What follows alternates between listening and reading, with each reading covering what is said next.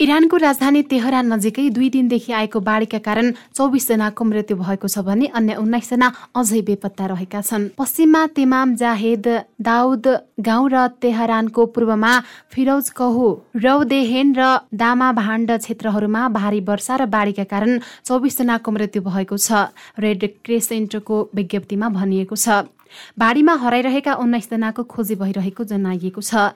इरानको सामान्यतया सुक्खा दक्षिणी क्षेत्रमा आएको बाढीले बाइसजनाको ज्यान गएको एक साताभन्दा कम समयपछि तेहरान नजिकैको अलबोर्ज पहाडको फेदमा बाढी आएको हो। इरानले विगत दशकमा बारम्बार खडेरीका अतिरिक्त मुसलधारे वर्षापछिको बाढी पनि सामना गरेको छ।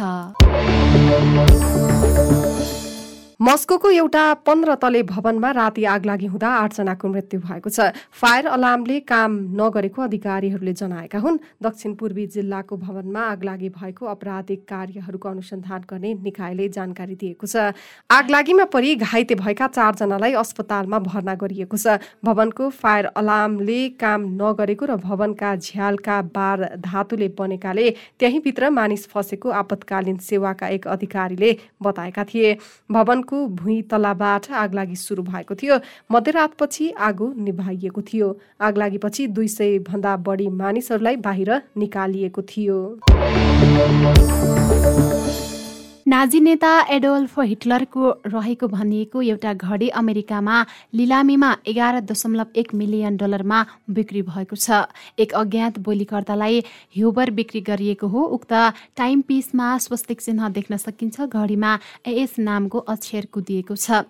यहुदी नेताहरूले लिलामीको निन्दा गरेका थिए। आफ्नो उद्देश्य इतिहास रक्षा गर्नुभएको लिलामी घरले जनाएको छ।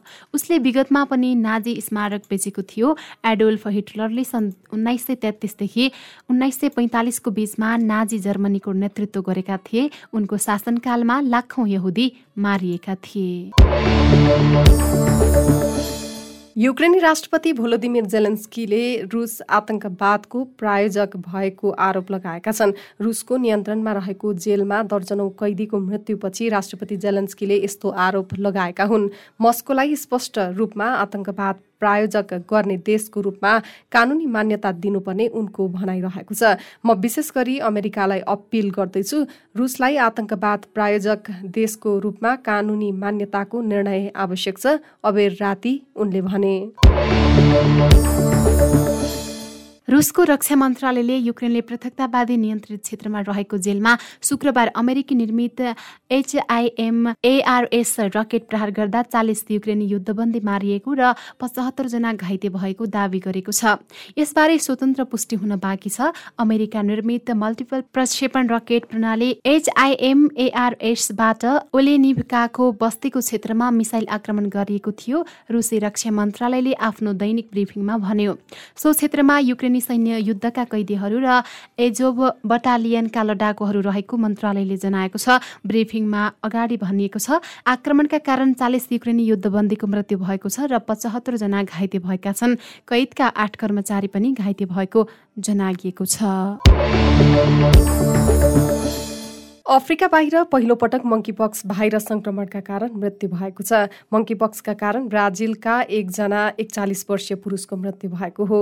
त्यस्तै स्पेनले पनि भाइरससँग जोडिएको पहिलो मृत्यु घोषणा गरेको छ। मङ्कीपक्सबाट मृत्यु भएको युरोपमै पहिलो घटना हो। भाइरसबाट स्पेन सबैभन्दा संक्रमित देशमध्ये एक हो। अहिलेसम्म चार हजार दुई सय अन्ठानब्बे जनामा मङ्कीपक्स देखिएको छ। तीमध्ये एक सय तिसजना अस्पताल भर्ना भएका छन्। एक साता अघि विश्व स्वास्थ्य संगठन डब्लुएचओले मङ्कीपक्सको प्रकोपलाई विश्वव्यापी स्वास्थ्य आपतकाल घोषणा गरेको थियो। उनी लिम्फोमा र कमजोर प्रतिरक्षा प्रणालीबाट पीडित भएको स्वास्थ्य मन्त्रालयले जनाएको छ। मङ्कीपक्स भाइरसका कारण मङ्कीपक्स रोग लाग्छ। विज्ञहरूका अनुसार यो भाइरस बिफर रोग गराउने भाइरसकै वर्गमा पर्छ। संक्रमण भएपछि ठेउलाको जस्तो फोका देखिन्छ। संक्रमित व्यक्तिको सम्पर्कमा आउने अन्यमा पनि यो भाइरस सर्न सक्छ। ज्वरो आउने टाउको दुख्ने ढाड दुख्ने मांसपेशी दुख्ने जस्ता समस्या यो रोगका लक्षण हुन्।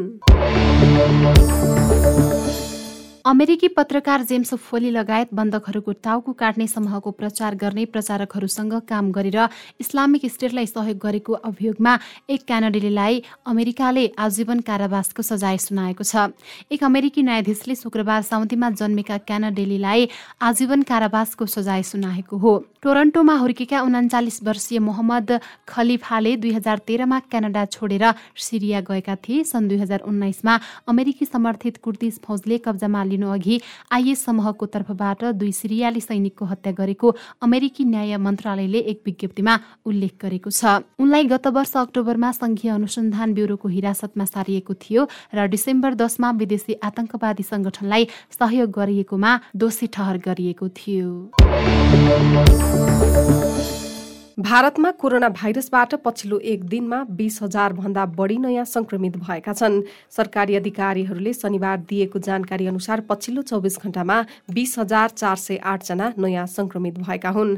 संघीय स्वास्थ्य मन्त्रालयले भारतमा अहिलेसम्म चार करोड चालिस लाख एक सय अडतिसजना कोरोना भाइरसबाट संक्रमित भएको जनाएको छ। तीमध्ये एक लाख त्रिचालिस हजार तीन सय चौरासी जना अहिले पनि संक्रमित अवस्थामै रहेको मन्त्रालयको तथ्याङ्कमा देखिएको छ।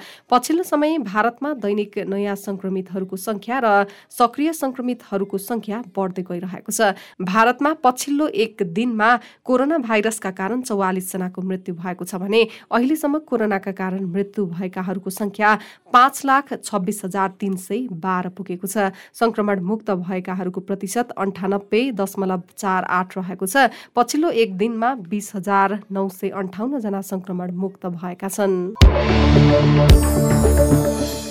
अमेरिकाका विदेश मन्त्री एन्टोनी ब्लिन्किन आगामी साता केही दक्षिण पूर्वी एसियाली र अफ्रिकी मुलुकको भ्रमणमा निस्कने भएका छन्। कम्बोडिया फिलिपिन्स सहितका एसियाली देशको भ्रमण सकेर उनी दक्षिण अफ्रिका प्रजातान्त्रिक गणतन्त्र कङ्गो र रुवान्डा प्रस्थान गर्ने कार्यक्रम रहेको अमेरिकी विदेश मन्त्रालयले जनाएको छ। दक्षिण पूर्वी एसियाली देशहरूको संगठन आसियानका तीनवटा बेग्ला बेग्लै मन्त्री स्तरीय बैठकमा सहभागी हुन विदेश मन्त्री ब्लिङ्केन आगामी बुधबार कम्बोडियाको राजधानी नोमपेन पुग्नेछन्। आसियान मन्त्री स्तरीय बैठकको आयोजक मुलुक कम्बोडिया हो। कम्बोडियामा उनले आसियानमा आबद्ध देशहरूसँगको सम्बन्ध सम्बन्धलाई थप बलियो बनाउने र सहकार्य बढाउने बारेमा छलफल गर्नेछन्। विगतमा भएका सहमति कार्यान्वयनको अवस्थाका बारेमा पनि मन्त्री स्तरीय बैठकमा समीक्षा हुनेछ। अमेरिका र आसियान बीचको सम्बन्धलाई व्यापक रणनीतिक साझेदारीमा अघि बढाउन गत मे महिनामा वासिङटनमा भएको सहमति अनुरूप बिलिङ्कनको यो भ्रमण हुन लागेको हो। कम्बोडियाबाट उनी फिलिपिन्सतर्फ जानेछन् जहाँ उनले नयाँ राष्ट्रपति र विदेश मन्त्रीलाई भेट्ने कार्यक्रम तय भएको छ। दुई एसियाली देशको भ्रमण पूरा गरी उनी यही साउन बाइस गते अफ्रिकी मुलुकको भ्रमणमा जानेछन्। अफ्रिकी विदेश मन्त्रीले अफ्रिकी नेताहरूसँग साझा चासोका अन्तर्राष्ट्रिय विषयका साथै जलवायु परिवर्तन मानव अधिकार रुस युक्रेन युद्ध लगायत समसामयिक मुद्दामा विचार विमर्श गर्ने भएका छन्। अविरल वर्षासँगै आएको बाढीमा परि दसजना सुरक्षाकर्मीको ज्यान गएको छ। घाजनी प्रान्तको कराबाग जिल्लामा बिहिबार राति परेको भीषण वर्षासँगै सानो खोलामा आएको ठूलो बाढीमा सुरक्षा बलको गाडी फसेपछि उनीहरूको ज्यान गएको विपद व्यवस्थापन एवं मानवीय मामिला निर्देशक फजलुद्दिन ओमर हक्कानीले जानकारी गराए। सो घटनामा अन्य तीनजना सुरक्षाकर्मी घाइते भए। मनसुनी वर्षा र बाढीका कारण हालै अफगानिस्तानमा तीन दर्जनभन्दा बढीको मृत्यु भएको छ भने कैयौं घाइते भएको उनले बताए। सुरक्षा परिषदले मध्य अफ्रिकी गणतन्त्रमा हात हतियारमाथि लगाएको प्रतिबन्ध खुकुलो पारेको छ। हतियारमाथिको प्रतिबन्ध पूर्ण रूपमा फुकुवा हुनुपर्नेमा जोड दिँदै आएको सरकारलाई यसले केही राहत दिएको छ। हतियारमाथि लगाइएको प्रतिबन्ध खुकुलो बनाउने पक्षमा शुक्रबार भएको मतदानमा रुस चीन र परिषदका तीन अफ्रिकी सदस्यले भाग लिएका थिए। मत परिणाम अनुसार प्रस्तावको पक्षमा दस मत खसेको थियो भने विपक्षमा एक मत पनि परेन। मध्य अफ्रिकी गणतन्त्रका विदेश मन्त्री सिल्भिए बाइपो टेमोनले परिषदको कदमको आफ्नो देशले स्वागत गरेको बताउँदै सरकारी सेनाका लागि हतियारका केही वर्गमा गरिएको सीमितताको अब औचित्य नरहेको परिषदलाई बताइन्। सन् दुई हजार तेह्रदेखि लादिएको प्रतिबन्ध प्रभावकारी नरहेको तथा त्यसले अत्याधुनिक हतियार भएका चरमपन्थी र विद्रोहीका गतिविधि र तिनबाट भएका हतियारको प्रसारले उत्पन्न गम्भीर समस्या समाधानलाई सम्बोधन नगर्ने टिप्पणी गरेकी थिइन्। खनिज पदार्थको अथाह भण्डार रहेको गरिब राष्ट्र मध्य अफ्रिकी गणतन्त्र सन् दुई हजार तेह्रदेखि घातक अन्तर साम्प्रदायिक सङ्घर्षको सामना गरिरहेको छ। मुख्यतया मुस्लिम सेलेका विद्रोहीले सत्ता कब्जा गरेर राष्ट्रपति फ्रान्कोइस बोजिजलाई पदबाट हट्न बाध्य पारेपछि द्वन्द्व बढिरहेको छ। सन् दुई हजार उन्नाइसको फेब्रुअरीमा सरकार र चौध विद्रोही समूहबीच शान्ति सम्झौतामा हस्ताक्षर भएको भए पनि सन् दुई हजार बाइसको डिसेम्बरमा राष्ट्रपतिका लागि बोजिजको उम्मेदवारीलाई संवैधानिक अदालतले अस्वीकार गरेपछि हिंसा पुनः भड्किएको थियो। राष्ट्रपति फस्टिन अर्सेन्ज टौडेराले त्रिपन्न प्रतिशत मतका साथ दोस्रो कार्यकाल जितेका थिए तर उनले बोजिजसँग सम्बन्ध भएको विद्रोही गठबन्धनको विरोधको सामना गर्नु परेको छ। सरकारले राजधानीलाई आफ्नो नियन्त्रणमा राखे पनि देशको धेरै भाग सशस्त्र समूहहरूको नियन्त्रणमा छ। रुसी विदेश मन्त्रालयले शनिबार बत्तीसजना न्युजिल्यान्डका अधिकारीहरूलाई कालो सूचीमा राखेको छ। न्युजिल्यान्डले रुसी नागरिकहरूमाथि प्रतिबन्ध बढाउँदै लगेपछि प्रतिक्रिया स्वरूप बत्तीस न्युजिल्यान्डका अधिकारीहरूलाई राष्ट्रिय स्टप लिस्टमा थपेको मन्त्रालयले एक विज्ञप्ति मार्फत जनाएको छ। नयाँ प्रतिबन्धित अधिकारीहरूमा नगरपालिकाका प्रमुखहरू कानुन प्रवर्तन एजेन्सीका अधिकारीहरू र पत्रकारहरू रहेको मन्त्रालयले जनाएको छ। ती व्यक्तिहरूलाई रुस प्रवेशमा अनिश्चितकाल कालका लागि निषेध गरिएको छ विज्ञप्तिमा उल्लेख गरिएको छ। प्रतिबन्धको सूची बढ्दै जान सक्नेछ। र श्रीलङ्काको प्रहरीले शनिबार ग्यास पसलमा अभद्र व्यवहार गरेको आरोपमा तेह्रजनालाई पक्राउ गरेको छ। पक्राउ परेकाहरूमध्ये धेरैजसो मदिरा सेवन गरी ग्यास पसलको सुरक्षामा खटिएका प्रहरीको काममा अवरोध पुर्याउने प्रयास गरेकाहरू रहेको प्रहरीले जनाएको छ।